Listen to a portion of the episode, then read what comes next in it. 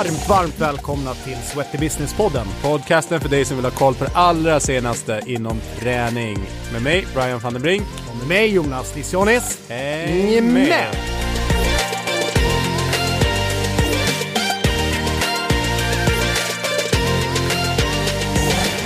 Yes, hallå, hallå! Välkomna tillbaks till eh, Sweaty Business-podden. Eh, jag och Jonas är eh, tillbaks efter ett par Skype-intervjuer. Vi är tillbaks på Clarion Sign. Med klockrent skarpt ljud hoppas vi då. Ja, eller hur. Med oss idag har vi en gäst som vi har bollat fram och tillbaka i, känns som flera års tid, men vi får med i podcasten. Johan Nilsson, välkommen!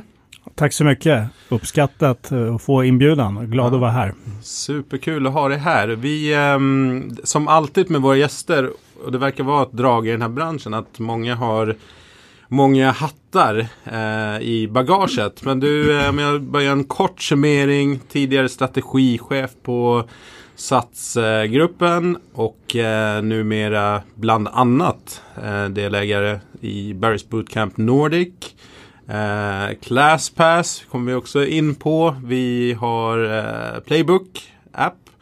Och eh, konsult inom träningsbranschen och eh, anledningen till att vi har med dig här är för att eh, du är den som vi tycker har bäst koll på de övergripande delarna i branschen. Mycket kring strategier och i och med att eh, du och din eh, ja, investeringspartner då, Rasmus Ingerstev som också har varit med i podden investera i lite olika verksamheter och eh, kan ge lite insikt i hur man tänker utifrån ett invest investeringsperspektiv. Om mm. det är en bra, potentiellt bra affär eller inte. Jag tycker det var, väldigt, var en bra sammanfattning Brian. Jag brukar, jag brukar få ett e-mail ungefär en gång i veckan från, från LinkedIn där det står det är svårt att sammanfatta din profil. det är ungefär så va? kan du konsulta mot dem Ryan. Ja, och sen är du dessutom gammal eh, innebandy elitspelare med SM-guld och grejer i, i bagaget. Ja, ja, det stämmer. Första gästen med SM-guld, tror vi i alla fall. Uh, ja, ja, någon kampsportare då, men riktiga sporter så innebandy. det kan vi i och för sig diskutera. ja, ja, ja, exakt. Ja.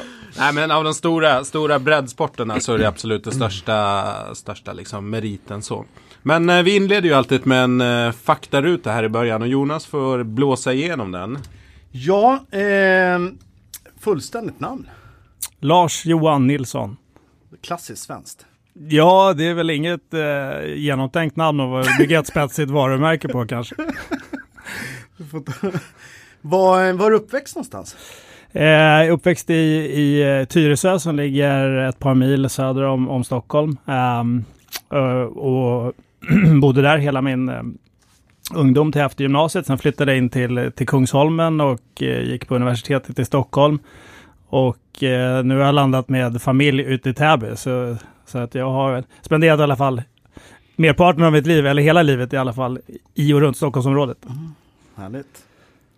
Vad, eh, inom träning, jag vet ju att du har hållit på med, jag var inne på innebandy, men vad har du för, har du någon mer bakgrund inom träning förutom innebandyn? Eh, när det gäller idrotter så är det väl eh, hockey och, och innebandy. Så mm. jag tillhör väl den generationen där, där det inte fanns någon, någon eh, sommarläge för innebandy när man växte upp, utan började med hockey och sen gick jag över till innebandy. Men jag har hållit på med elitinnebandy säkert i, i 20 år. Mm. Eh, och eh, av dem 15 år i AIK. Och precis som du nämnde så fick jag möjligheten att vara med och ta första SM-guldet för, för AIK i, i Globen 2005-2006 eh, inför 14 000 åskådare i Globen. Så det var, det, var, det var en stor upplevelse. Det var fantastiskt med alla människor som hade jobbat runt klubben och, och eh, få ta, ta det där första. Mm. Det första guldet mm. är, är, speciellt, definitivt. Eh, Sen så är jag även eh, utbildad personlig tränare. Jajamän. Eh, ja, det, det, känner ni ju väl till och mm. även stått på golvet och jobbat som tränare. Um, och jag ska väl säga att styrketräningen har liksom alltid varit, uh, varit en del, mm. uh, även från idrotten runt omkring, ett stort intresse för, för träningen som sådan. Mm. Coolt. Träningsfilosofi, har du någonting som du bygger dina tankar på kring träning generellt sådär? Eller värderingar eller filosofier på något? Ja, bra, bra fråga. Jag känner väl som, man kan väl se två, på två olika sätt på den här frågan. Som filosofi eller kanske motto så mm. skulle jag säga att eh, vi har, vi har ett motto i familjen som vi har väl tagit väl långt, men vi, men vi brukar fråga, ger du dig? Aldrig. uh, och jag, jag, tror att när, uh, när vårt första barn skulle förlösas på Danderyds uh, sjukhus och vi, vi stod där inne och var väldigt, väldigt nära och min fru kämpade väldigt, väldigt hårt och jag gick fram till henne och sa ge du dig! Och hon skrek aldrig så trodde de att vi var helt galna där inne på väg att skicka, skicka ut mig. Mm. Uh, men det är någonting som lever i, även inom, inom träning så att säga. Men när det gäller träningsfilosofi som får, sådan så känner jag mig präglad av, av den, den utbildning jag har fått, uh, både av dig Jonas mm. och kanske personer som Erik Börjesson med, med basen är viktig och göra det enkelt uh, och få ut max av, av, det man gör och inte göra det för komplicerat. Mm. Härligt. Har du någonting som gör riktigt jävla irriterad? Eller förbannad generellt sådär? Något du retar dig på? Ja, det... Trafiken är väl en sån där man, där man ständigt känner att känslorna börjar svalla. Men i någon, någon mer försöker väl eh, kontrollera mig så gott det går. Men, men kanske trångsynthet eh, gör mig irriterad. Eller uh, att inte kunna se en större bild eller, eller se möjligheterna. Ja, härligt. Eh, du jobbar ju eh, precis som, som eh, många andra väldigt, väldigt mycket. Men vad, liksom, vad hittar du själv så kraft och eh, inspiration och energi sådär att orka? Jag skulle säga att träning faktiskt det är en stor del av mitt liv och framförallt för att hämta kraft och inspiration. Jag brukar ganska ofta Eh, om man står inför utmaningar, problem av olika saker, inför olika saker, känna att om det är en löprunda på 30 minuter eller om det är gå in i, i, i Red Room på Barrys mm. eh, en timme, så för mig är det inte bara träningen som sådan när det gäller det fysiska, utan det är lika mycket en, en inre resa för mig och jag känner att jag nollställer väldigt mycket med, med träning och blir mycket mer produktiv e-, efter. Mm. Ja, men, ibland kan man ju tycka kanske det flosken när man pratar träning som medicin. Men fasiken vad det stämmer bra ändå. Det är ja, ja. sinnessjuk effekt när man, man är lite på dåligt humör eller nere eller lite halv krassle något man känner. Så går man in och mosar på ett pass som vi gjorde på Barrys i morse här och så mår man som en jävla kung lördag förmiddag. Det är liksom, funkar verkligen. Eh, sista där på introfrågorna. Du, eh, om du skulle få 10 miljoner på kontot idag, eh, vad skulle du göra? Jag skulle definitivt eh, investera i, i Barry's Nordics för att öka takten på, på tillväxten och kunna få göra fler studios eh, i Sverige, men även komma vidare till, eh, vi har ju länder som, som Danmark, vi har, vi har Finland och varför inte titta på ännu fler länder runt om i Europa. Mm. För idag, Barry's Nordic, eh, eller de delarna ni har investerat i, var finns ni idag? Idag så finns vi i, i Stockholm och Göteborg, mm. så det finns två studios idag. Mm. Och eh, är, finns det expansionsplaner eller? Ja, definitivt. Ja. det är någonting vi jobbar med, mm. med hela tiden på att hitta nya, nya locations. Eh, definitivt. Så, så det finns en ambition om att eh, över tid i alla fall kunna ha en 8 10 studios i, i de här tre länderna. Jag måste säga det till alla lyssnare. Har ni chansen i Sverige eller Norge eller när ni är ute och reser, prova. För det är ett, jag försökte sammanfatta för Johan idag, vi var och tränade här på morgonen på Barry's här i Stockholm och jag försökte sammanfatta liksom känslan efter ett pass. För mig det är en ganska bra sammanfattning. Alltså, det är som att gå in i en torktumlare av energi. Man hinner inte fundera riktigt. Alltså jag gillar inte löpning. Men där inne gillar jag löpning. Man hinner liksom inte tänka. Helt plötsligt har det bara gått en timme eller 45 minuters effektiv träning. Jag tycker det är en, en jäkla resa av energi.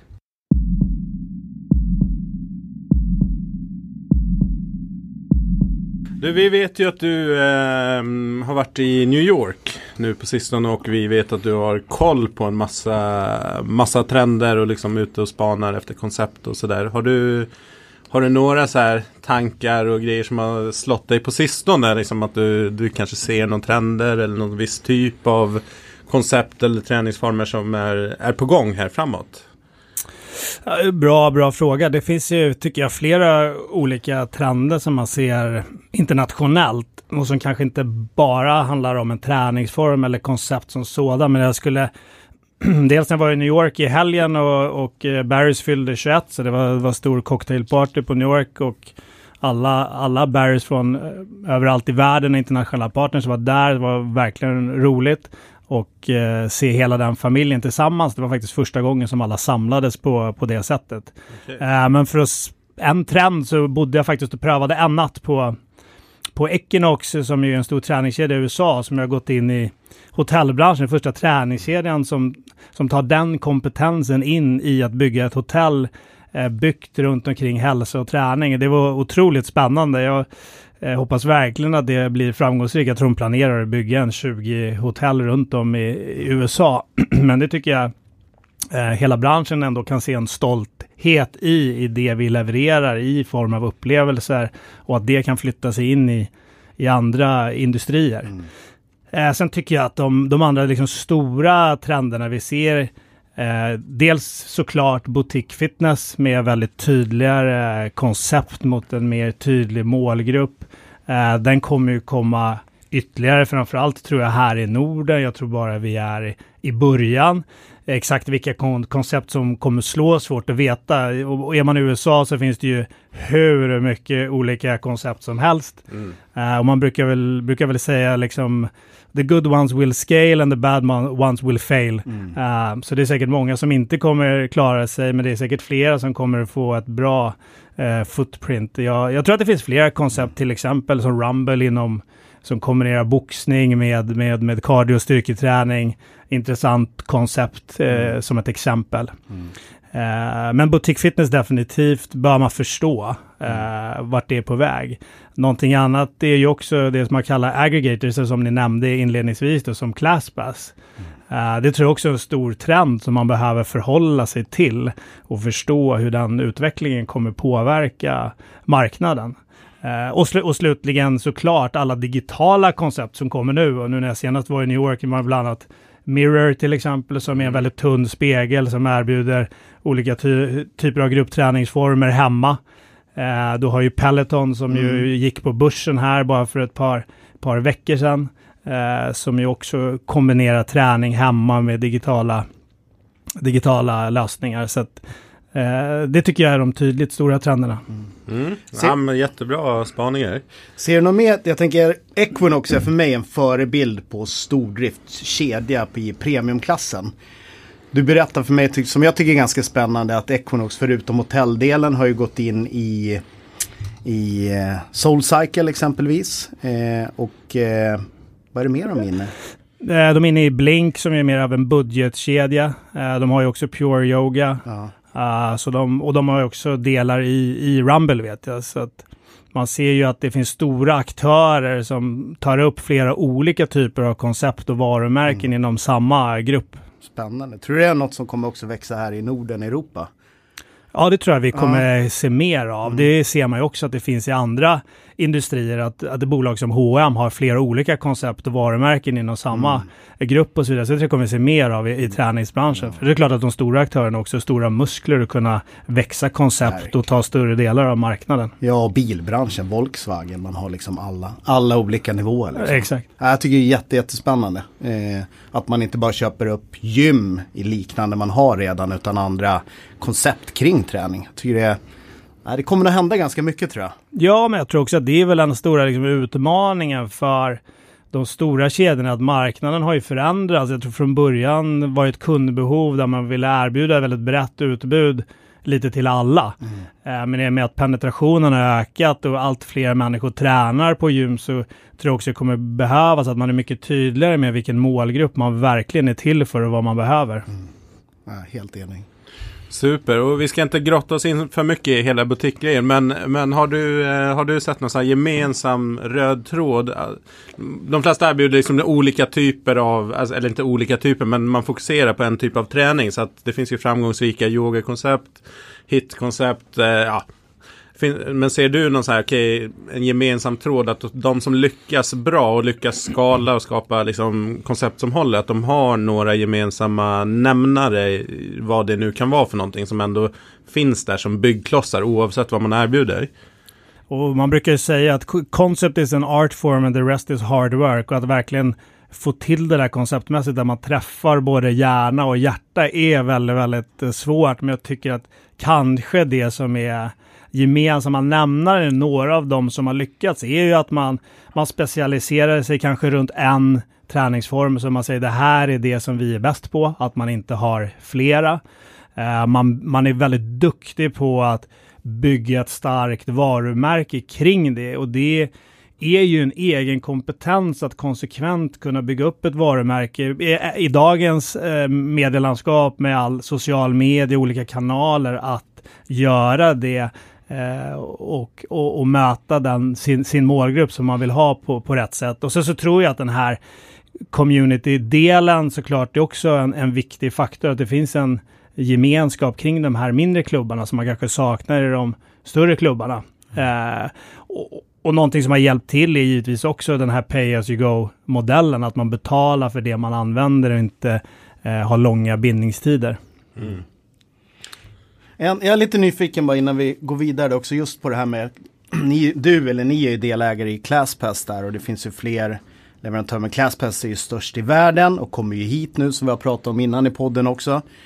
Vad är, kan du kort berätta hur det fungerar? Jag Tror ändå många inte har speciellt mycket insikt i det man, man betalar, som kund betalar man för, för ett, de har olika typer av medlemskap eh, hos dem som ger en möjlighet att träna på massa olika typer av gym och, och, och klubbar i, i en stad. Så man får helt enkelt eh, tillgång. Till exempel om man tar, eh, kanske jämför med, med Sats i Stockholm mm. som är väldigt starka, så säger man att ja, jag kan träna på många ställen när jag går på Sats. Men mm. med Classpass helt plötsligt så skulle ju en enskild klubb också kunna befinna sig i ett sammanhang där man också kan faktiskt träna på ett par hundra andra klubbar och olika träningsformer. Och det är mm. klart, det förändrar ju väldigt mycket marknaden på det, på det sättet. Mm. Eh, och jag tror fler och fler vill kanske variera sin träning om man vill också få den bästa kundupplevelsen mm. om jag gör yoga eller om jag gör hitträning eller om jag vill gå på en kampsportsklubb eller vilken, vilken träning jag nu vill göra. Och då ger ju en sån här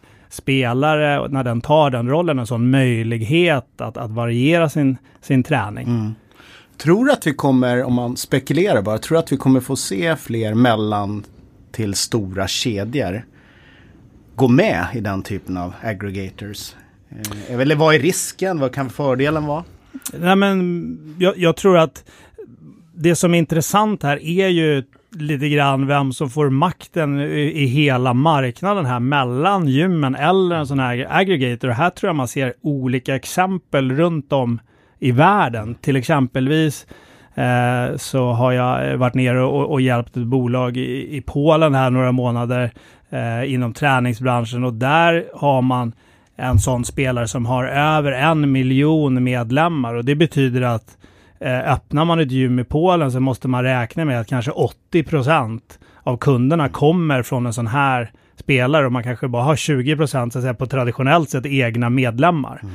Och, det är ju, och det är klart, då förändras ju rollerna ganska mm. rejält. Och, och, så, så här kan man väl säga att man kommer behöva förhålla sig till, till de här spelarna på ett eller annat sätt.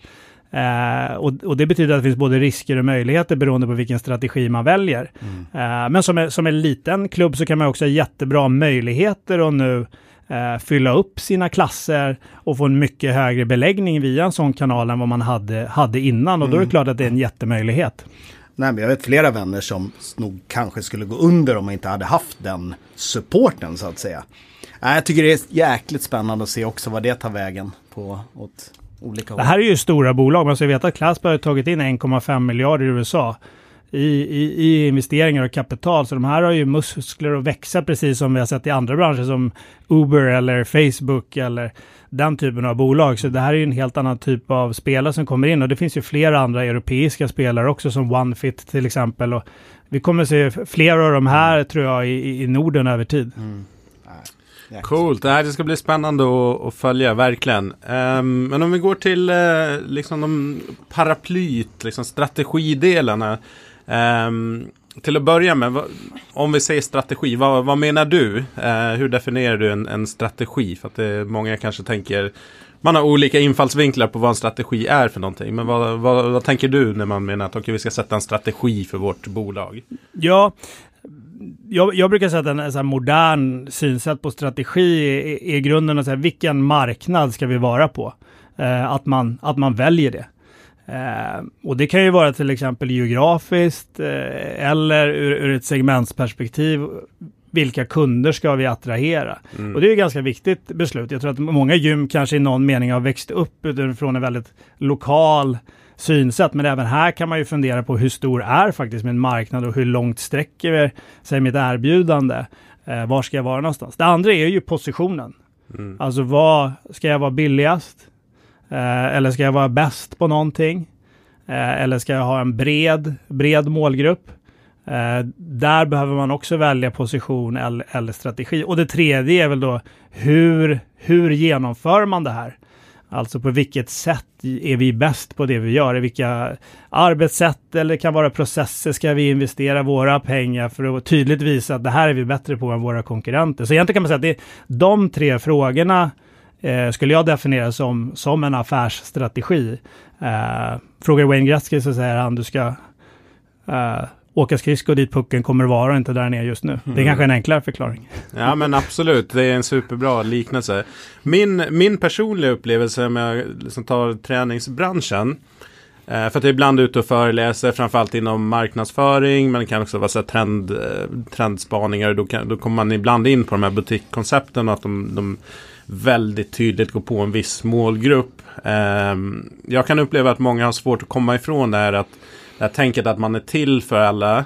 Eh, och, och då påverkar det att man inte får en så tydlig strategi och man, man är väldigt otydlig ut mot marknaden. För att i samma koncept ska, ska du ha seniorer, du ska ha barnpassning, du ska ha ungdomar och du ska ha det trendigaste liksom som du skulle kunna hitta i, i New York. Vad är din, eh, när du bara liksom sveper över träningsmarknaden i, i Sverige eller Norden som du, du har bra koll på? Eh, vad tänker du liksom strategimässigt när du kikar på eh, bolagen?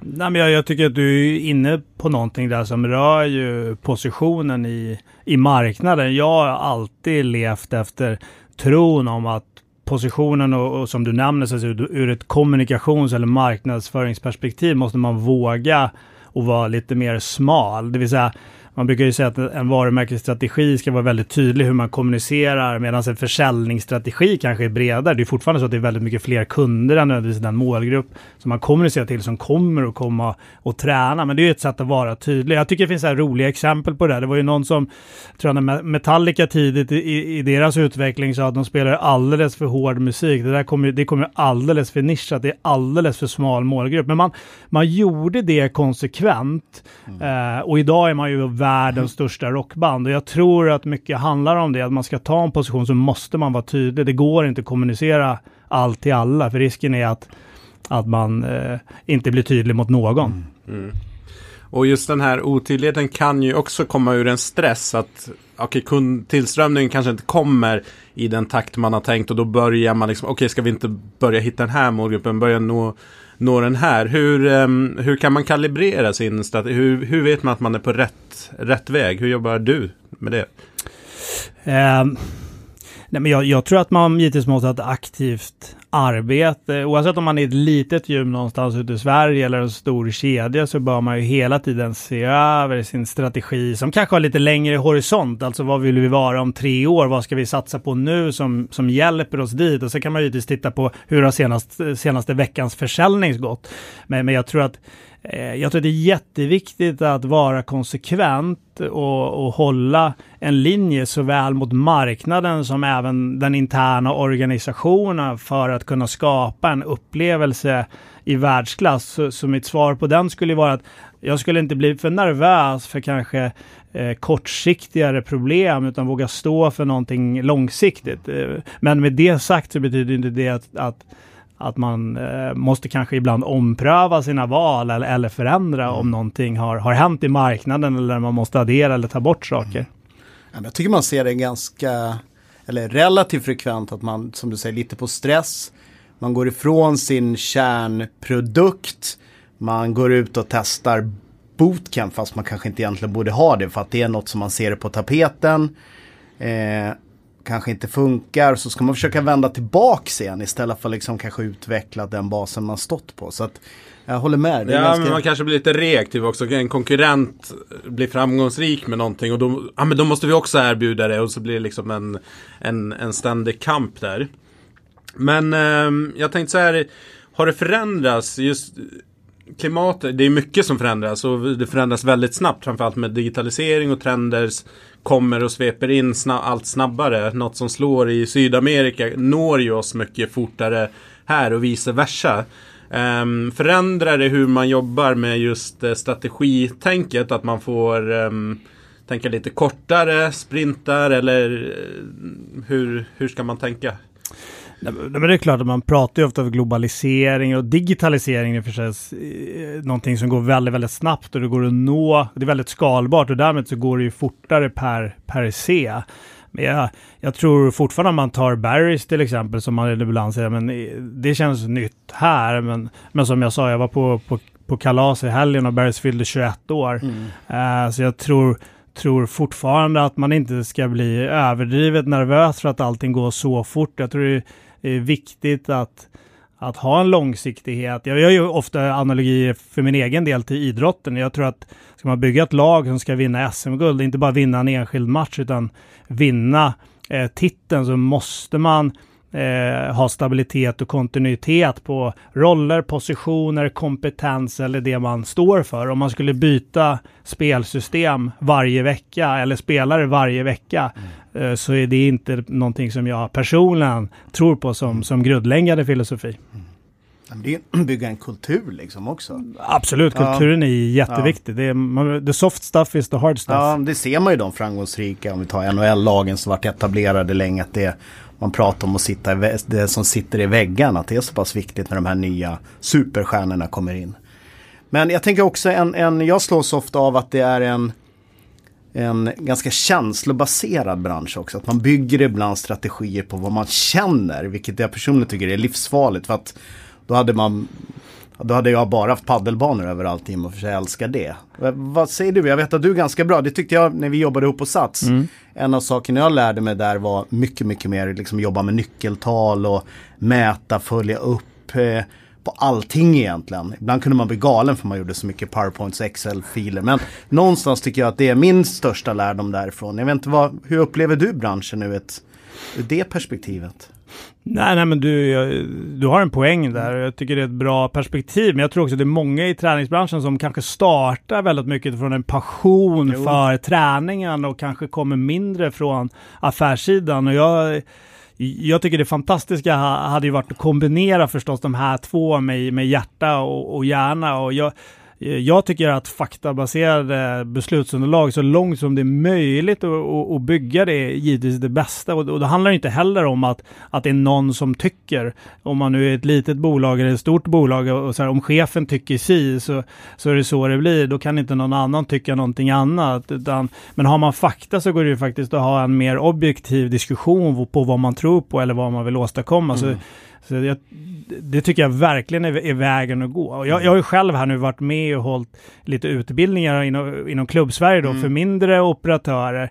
Eh, och det finns ett stort intresse för det här och, och, det är verkligen, verkligen kul. Så här tror jag eh, liksom branschen kan ta, ta fler steg åt, åt det hållet. Ja, helt enig. För att det är jag som jobbar mycket med individuell träning och jag skulle nog säga att 8 av 10 gym har ju knappt nyckeltal på personlig träning och då blir man det jag brukar tjata om, då blir det som vår kära utbildare och kompis Börjesson pratar inom träning också. Man, det blir den här klassiska handgranatmodellen. Man kastar in någonting, ett marknadsinsats etc. eller social media-strategi, hoppas. Istället för att vara lite mer precis liksom. Mm. Så att det, jag, jag är helt säker, jag har varit och Eh, jag kommer absolut gå den utbildningen sen. Jag har lyssnat på dig timmar här och där och jag tycker man lär sig så jäkla mycket. Så det rekommenderar jag verkligen.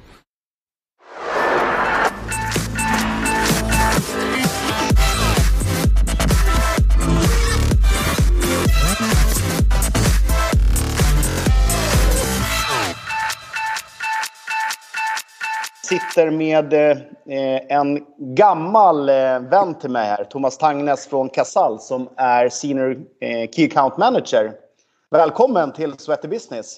Jo, tack så mycket. Två, vi har en sak till här som dyker upp som jag brinner faktiskt ganska mycket för. Som jag tycker att man, man vi har varit inne på det lite grann och det är kring det här med golv och belysning. Uh. Jag personligen eh, tycker att det finns enormt mycket mer att göra här. Hur ser du? Hur viktigt är det att tänka till jag tror att vi har väldigt väldigt mycket att lära. Eh, på lys och design och golv och den där så mis, mis, Vi som är leverantörer, ta de fyra största leverantörerna i Skandinavien.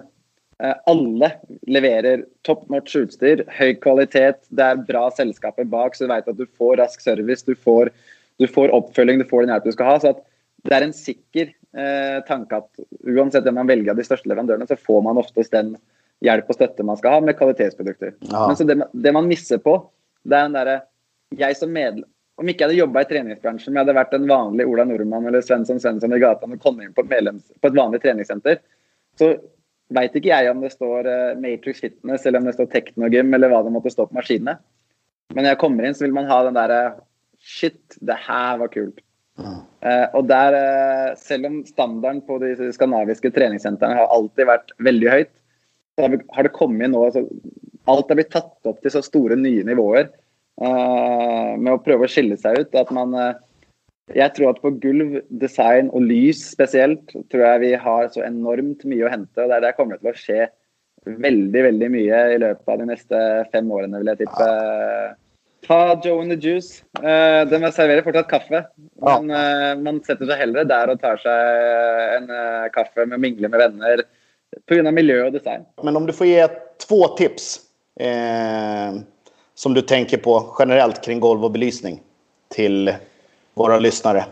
Gulv enkelt. Där är det Lägg, eh, lägg penger smart. Altså, gulv behøver ikke koste en formue, men uh, ha, et, ha, et, veldig cleant og vakkert uh, eh, altså traffic-gulv der du har mest uh, mest aktivitet uh, under kondisjonsapparatene, ved, ved resepsjonen, loungen, uh, under styrkeapparatene. Men så man legger litt, faktisk litt uh, penger på, på, de forskjellige sonene som krever litt spesifikk ull og på belysning, ikke vær redd for å jeg er såpass at den, De sentrene som tør å investere f.eks. en interiørarkitekt ved siden av ved siden av en utstyrsleverandør, for guds skyld gjør det.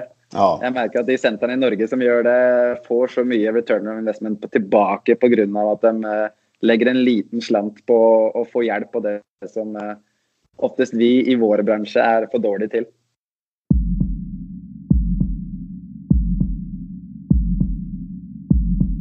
Bra, men du, eh, lite kring investeringar då. Du och Rasmus Ingerslev eh, har ju ett eh, investeringsbolag, Stockholm Leisure Partners. Mm, mm. Eh, vad gör ni för någonting? Eh, nej men vi, vi startade det egentligen i slutet på 2014 när Rasmus eh, flyttade till, till Stockholm och, och, och, vi började jobba ihop och ambitionen med det var väl att försöka egentligen hitta spännande koncept som skulle göra skillnad. Antingen digitala koncept eller eh, koncept traditionella eh, fysiska eh, som, som Barrys då. Och, eh, det har varit grundidén ska jag säga. Eh, och, och, idag har vi har fem investeringar. Vi har ju Barrys då, uppenbart som vi har pratat om. Och sen har vi Eh, även en kedja som heter Repeat som har en klubb i Malmö och eh, fyra stycken klubbar i, i, Danmark. Um, som också är mer traditionellt gym. Och sen har vi några digitala koncept där vi har nämnt ClassPass som en sån aggregator som vi tycker är intressant att följa och se vad som ska hända uh, i den marknaden. Uh, sen nämnde ni Playbook. Eh, och, det, när det gäller den digitala utvecklingen, det här kan man prata länge om tycker mm. jag, för det är väldigt spännande. Men det finns ju, det digitala växer ju i framtiden, men det är fortfarande väldigt svårt att hitta koncept som verkligen träffar eh, rätt. Jag, jag själv tycker det är jättekul om man tar en sån koncept som lyckas som Runkeeper. Där har man ju egentligen riktat sig mot sådana som idag ägnar sig åt löpning och funderat på hur kan man förbättra den upplevelsen med löpning. Eh, och gjort det så pass bra så att det nästan känns kanske lite naket att springa utan mm. eh, Runkeeper idag. Det finns ju andra koncept också ska jag säga som, som ger samma, eh, har samma funktioner. Men jag, tyck, jag tycker det, det är roligt när man utgår från någonting som redan finns än att man kanske flyttar träningen från Eh, löpspåret eller gymmet tillbaks in i vardagsrummet eller att det bara blir som en gammal träningsvideo fast i en app, utan man verkligen tänker till på vad ska det digitala konceptet göra. Och det, det som jag tycker föll för, för Playbook, som jag tyckte var väldigt spännande, var att man egentligen kombinerade eh, traditionellt kanske det som har funnits i träningstidningar, men med de med det som kunderna gör på gymmet idag och inte försöker flytta kunden någon annanstans. Och då har man ju eh, en plattform där tränare som har massa följare idag eller redan är ett namn eh, får möjlighet att erbjuda sin träning globalt eh, som är influencers eller som är mer aspiration som man ser upp till. Eh, men det som är fantastiskt fint med appen är ju då att man får in träningsprogram i realtid i sin mobiltelefon Eh, så man har ju alltid senaste tio dagarnas träning och då kan man ju träna som en NFL-spelare eller någon mm. annan som man ser upp till och gå på samma träningsprogram som dem. Och, eh, jag upplever i alla fall lite av min egen erfarenhet men också pratat med massa kunder att en sån bottleneck för kunderna i träning, ja det ena är ju att ta sig från soffan och ner till gymmet. Men det som nästan är ännu värre, det är ju när folk tar sig ner till gymmet och känner att det blev inget bra pass. För jag stod bara och ryckte lite grejerna och slösade bort en timme och åkte hem. Medan Playbook erbjuder då till väldigt billigt pris eh, träningar som du också kan ha med dig i mobilen på träning och på, i ett enkelt gränssnitt se och göra. Där kan man säga, det har ju funnits med det gamla eh, träningstidningar, men du klippte kanske inte ut de artiklarna och tog med det till, till gymmet. Det var liksom det det föll på. Mm. Här, har du, här har du med dig det. Och det är inte super liksom, komplicerat, utan det är liksom enkelt att, att använda och inte jättedyrt. Sen är det, vi har haft Magnus Lyggmark med i podden här. Ja, han är ju med ja, i Playboy. Och det är också någonstans att det är ju en, en skalbarhet, även som tränare. Eh, man brinner för träning, men man har ju liksom bara 24 timmar per dygn. Man kan liksom inte jobba mer utan man måste liksom hitta andra intäktsflöden eller en skalbarhet i sin tjänst.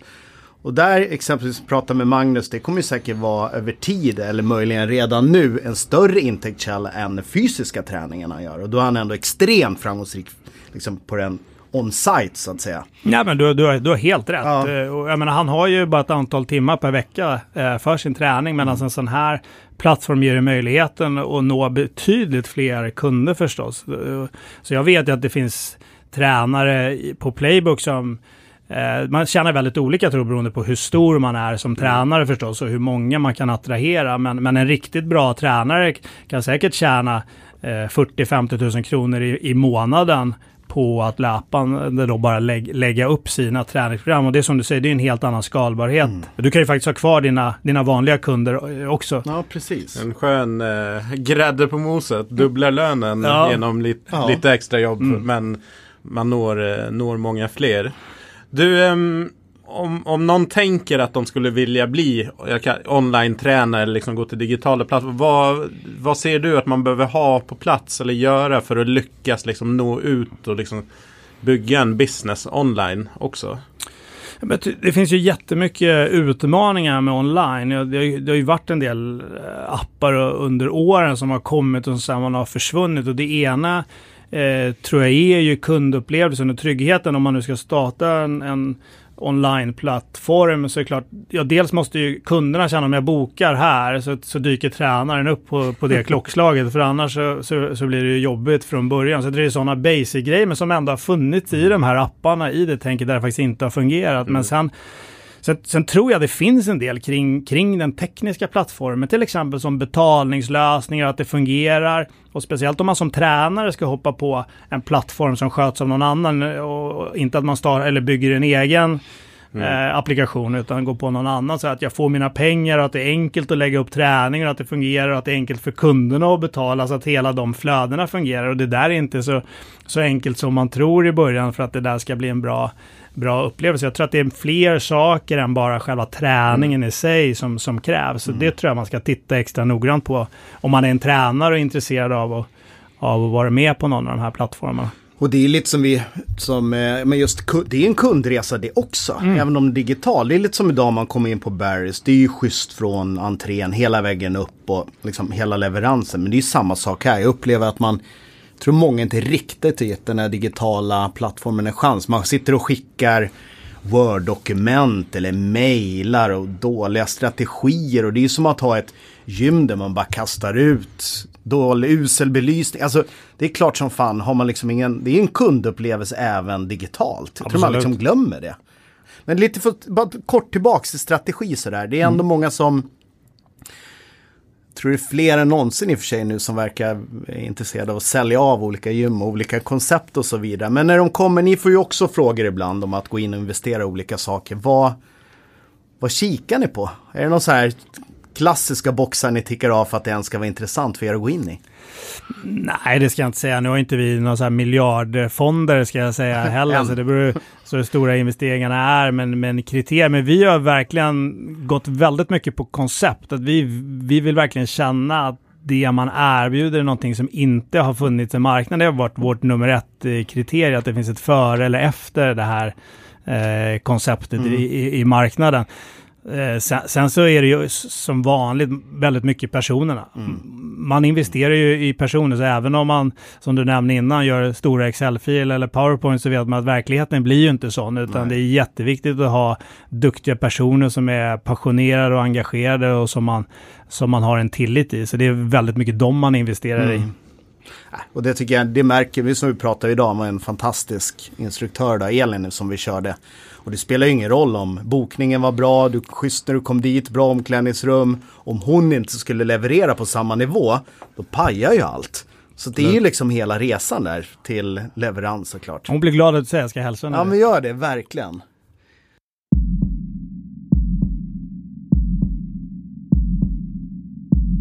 Om vi svänger tillbaka, vi har varit inne lite grann kring, eh, kring Barrys. Men jag är lite nyfiken, nu har ni varit igång, är det drygt två år? Lite mer än två år kanske Ja, det är lite drygt två år i, i Stockholm och, och, lite drygt ett år i Göteborg. Mm. Vad har varit, eh, har, det, har det gått som ni har tänkt er? Alltså det, den planen ni satte upp eh, eller någonting som ni har fått omvärdera eller liksom skruva på för att, för att få det dit ni, ni vill? Eh, ja, det har ju varit eh, jättemånga saker som man såklart funderar på, på på en sån här resa när man etablerar ett så här koncept för, för första gången. En massa, massa detaljer hit och dit som man skruvar på. Det där är ju en resa som aldrig upphör ska jag säga heller, utan mm. någonting man ständigt funderar på. Men, men övergripande så skulle jag säga att jag jag upplever att det blir väldigt väl mottaget och det som jag föll för när jag testade det första gången, den här adrenalinkicken och när människor kommer ut från Red Room med ett stort leende eh, som är utgångspunkten, nämligen att träningen som står i centrum för Barry som också förändrar människors liv. Ibland så tänker man det är bara träning, men när kunder kommer fram och säger att sen jag började med det här så har jag uppnått det här med mina mål, eh, så tycker jag att det är en fantastisk, eh, fantastisk resa. Eh, och det, det är liksom värdet värdet med Barrys. Men jag, det har, det har utvecklats mycket, mycket bättre än vad, vad, jag, vad jag någonsin trodde. Kul att höra. Jag tycker en jätte... Nu har jag inte varit på Barrys på ett tag. Jag ska återvända som, som kund och medlem eh, alldeles strax. Opererade knät i förra året. Men eh, en sak som jag tycker är superhäftig det är att folk pratar med mm. varandra på Barrys. Alltså går man på ett vanligt gym då inom citationstecken. Så folk har sina egna hörlurar ute i, i gymmet till, till största delen. Och så i omklädningsrummet så är det ganska anonymt. Och ja, Det kanske är miljön också som gör det inte så välkommen. Men att folk pratar med varandra i liksom eftersnacket och snacket innan. Efter. Antingen så här folk som inte har varit där. Som är lite nervösa och hur kommer det vara och sådär. Och sen de rutinerade som berättar hur det är. Och sen efteråt snacket om, eh, om upplevelsen. Det är superhäftigt. Ja, men jag tror att det är, jag ser den också och, och, och jag tror att det är att man delar samma upplevelse.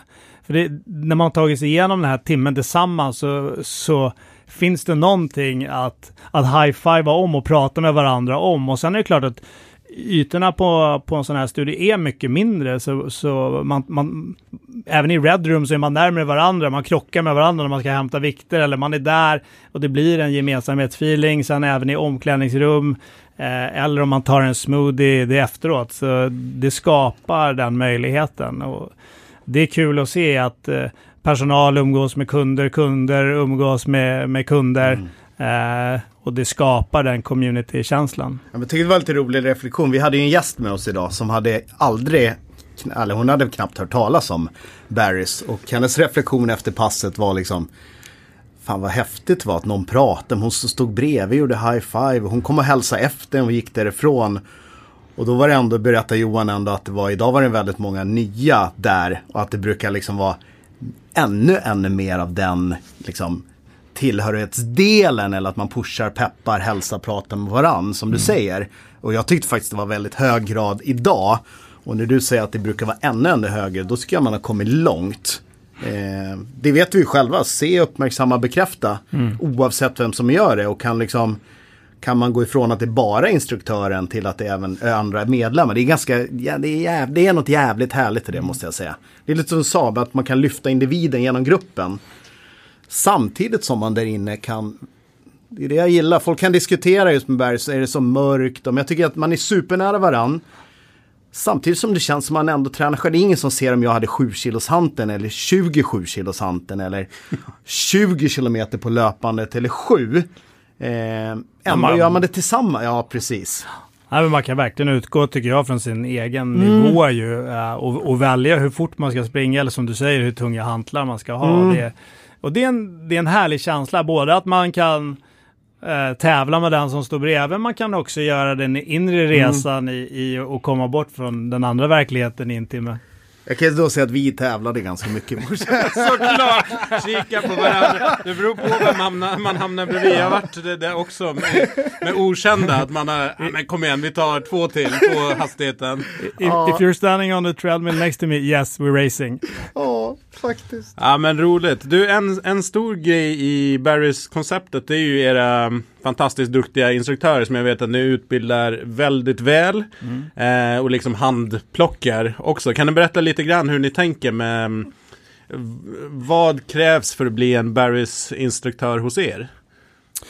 Uh, ja, jättebra fråga. Det är väl lite olika delar förstås som vi tittar på på en tränarprofil. Och det ena är ju förstås träningskompetensen i, i botten. Eh, det andra är väldigt mycket kring eh, matchen mot Barrys varumärke och de värderingarna som Barrys står för. Det är en otroligt central del eh, i rekryteringen. och sen skulle jag säga att det, och det tredje är väl den här entertainer-delen eller hur väl man tar rummet i och med att man jobbar med mikrofonen på ett annat sätt så gör ju att vi har ju många tränare som fungerar jättebra som kanske har en bakgrund som eh, musiker eller artist eller DJ eh, för att kunna ta rummet på ett bra sätt. Eh, men det är, det är kanske grundkompetens eller grundkriterier som vi tittar på. Men sen tycker jag fortfarande att det finns en väldigt stor flexibilitet eller utrymme för olika personligheter mm. och olika typer av tränare och att alla tränare ska utgå ifrån sin personlighet och det som jag står för det, och det är utifrån den basen man, man bygger hur man vill att ens klasser ska vara. Om det är vilken musik jag spelar eller, eller, eller vilken typ av övningar eller hur tufft det är. Eh, så där finns det en stor frihetsgrad och jag tycker det är väldigt positivt att vi har tränare som i den meningen är väldigt olika. Mm. Ja men det märker man ju. Det tycker jag också är superhäftigt att eh, man har. Och kunderna kan ju såklart känna igen sig och tycka om man tycker om olika typer av coacher. Vissa vill ha kanske den som är väldigt intensiv och på och andra gillar kanske lite mer laid back men fortfarande en, eh, en energi i det också. Exakt. Men hur jag tänker, jag har ju tränat till och från sen jag öppnade och det har varit väldigt låg omsättning på tränare. Mm. Vilket är ganska unikt kan man säga för vår bransch. Men har varit traditionellt sett i alla fall en liten genomfarts lite som reseindustrin, hotell och restaurang mm. man gör medan man pluggar. Och, men ni har ju varit väldigt duktiga på att behålla, behålla personalen. Hur fasiken Nej, men det är, ju, det är jätteviktigt som du säger, bygger ju också uh, Barrys på den här relationen mellan uh, klienter och uh, tränare. Och, men det gäller även, inte bara för tränare, utan även för fronten så jobbar vi aktivt med att försöka få alla att stanna mm. så länge som möjligt. För klart, byter man personal, eller, då, då är det ingen som vet vilken kund som var där dag ett när vi öppnade eller inte. Det går ju ut genom dörren direkt. Eh, Jag ska säga att vi har, vi har haft tur. Vi har otroligt duktigt tränarteam och jag är väldigt glad och stolt över att de har valt att vara med oss under den här tiden och så här länge. Vi, jag tror att hela Barrys-konceptet bygger ju väldigt mycket på att du har ju, du har ju inga säljare eller inga marknadsförare utan det är tränarna som till viss del står mm. också för konceptet och därmed engagerar sig i det och förhoppningsvis också får en känsla av att man är en del av Barrys och därmed eh, kanske stannar längre. Mm. Ja, och en, en sak som vi tycker är spännande det är ju så här hur man, ehm, just att du säger att tränarna står för en, en, en stor del av försäljningen. Deras, hur de är och såklart hur de driver trafik via sin reach i sociala medier och andra sociala sammanhang. Hur, eh, utan att gå in på liksom exakta pengar, men hur, eh, hur ersätter man tränarna just för att kanske dela med sig lite mer av kakan än traditionellt. Att man kanske får 300 spänn oavsett om det är en pers där eller om det är 55 pers på en klass. Nej, precis. När Barrys-modellen bygger ju på att tränaren har i princip en helt rörlig lön. Eller man kan säga att det finns en, det finns en grundlön också. Även om det inte skulle komma någon till, till klassen så har man betalt. Men i princip så är det en helt rörlig lön som är baserad på hur många deltagare som kommer på klassen. Och då, då klart, då finns det också ett incitament för tränaren att bygga upp sina klasser och, eh, och att många kommer till den tränarens klasser. Eh, men då kan man också tjäna betydligt mer än de 300 kronorna eh, och kanske upp, uppemot 1000 kronor per, per klass. Okej, okay, härligt. Vad, för jag tänker, jag, när, jag, när jag har tagit det här som ett exempel i vissa, vissa sammanhang, hur man kan jobba på ett nytt sätt med sälj och marknadsföring, att det kanske inte är företaget eller va, företagsvarumärket i sig som, som behöver stå. För att ofta så är det personerna som är mer intressanta än själva varumärket. Och då tycker många att Ja, oh shit, då, då, blir det svårt att beräkna lönekostnader och, och liknande eh, kring det om man skulle gå mot en mer rörlig modell. Har du någon kommentar liksom kring, kring den delen? Nej, men jag tror att det bygger väldigt mycket på vilken affärsmodell du har från början. För jag tror kanske, jag vet inte om det är därifrån det kommer, men det är klart om jag kom från ett gym som är baserat på månadsmedlemskap så blir det svårare att förhålla sig kanske till rörliga löner för, för tränarna. Vi kommer ju från andra hållet, att vi får ju bara betalt för de som faktiskt kommer på en klass. Mm. Så det hänger ju ihop eh, till 100% med den lönen som också tränarna får. Så jag, jag, jag ser det som en jättebra modell. Jag tycker att att, att tränarna får bra betalt eh, när, när, man gör ett bra jobb och det är många på klassen. Det, det känns väl väldigt eh, som en fair och sund modell tycker jag. Mm.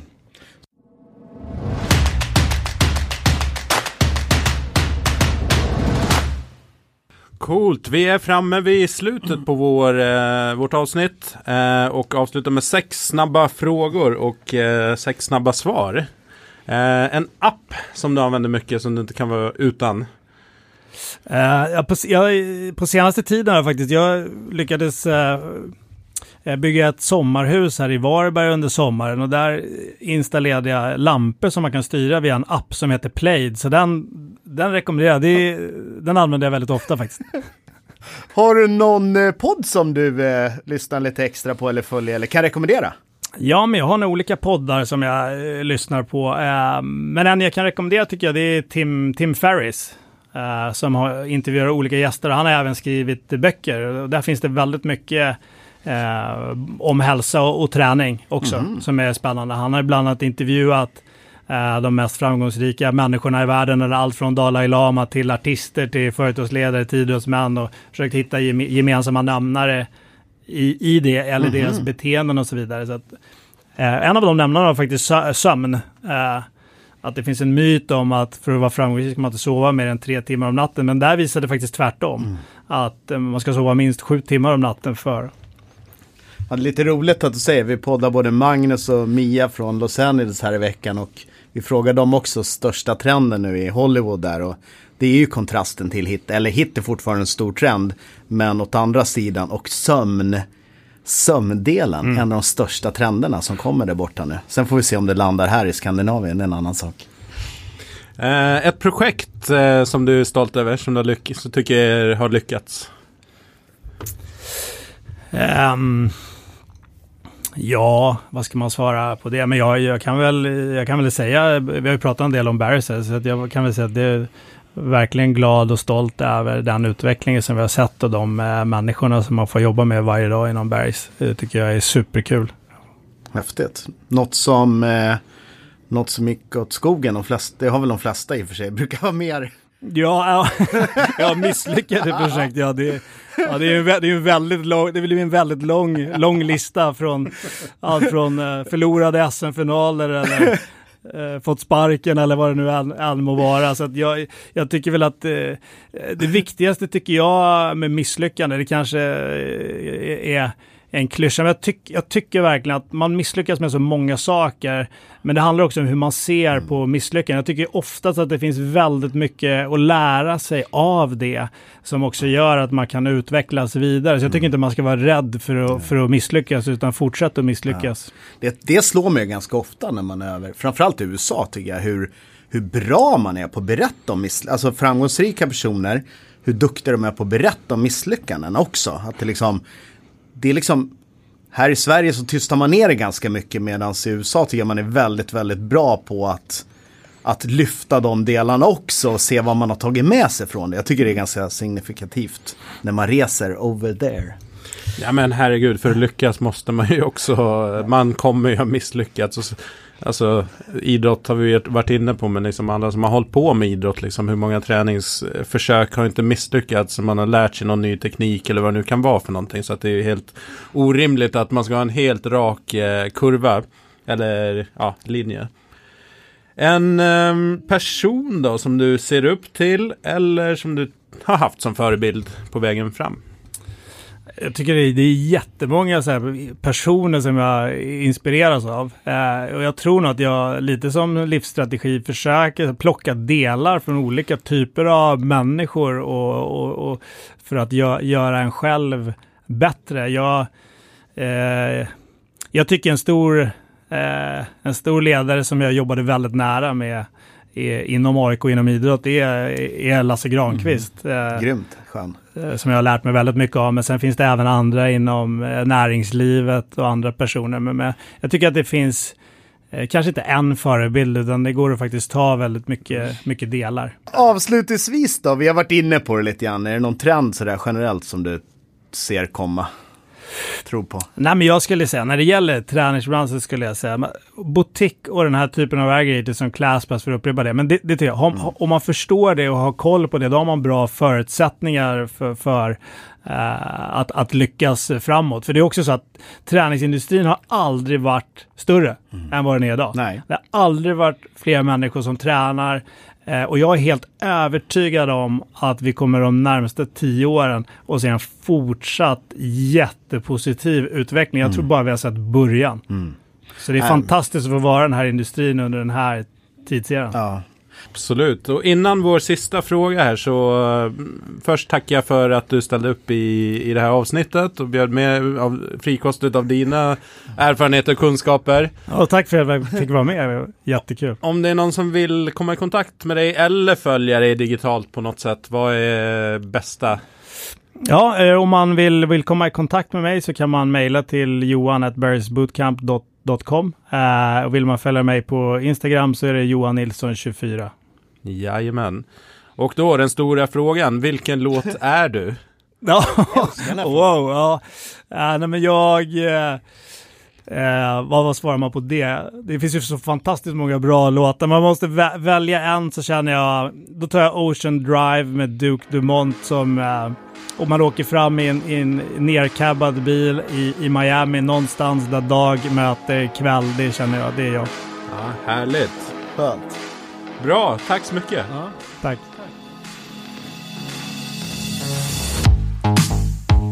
We're riding down the boulevard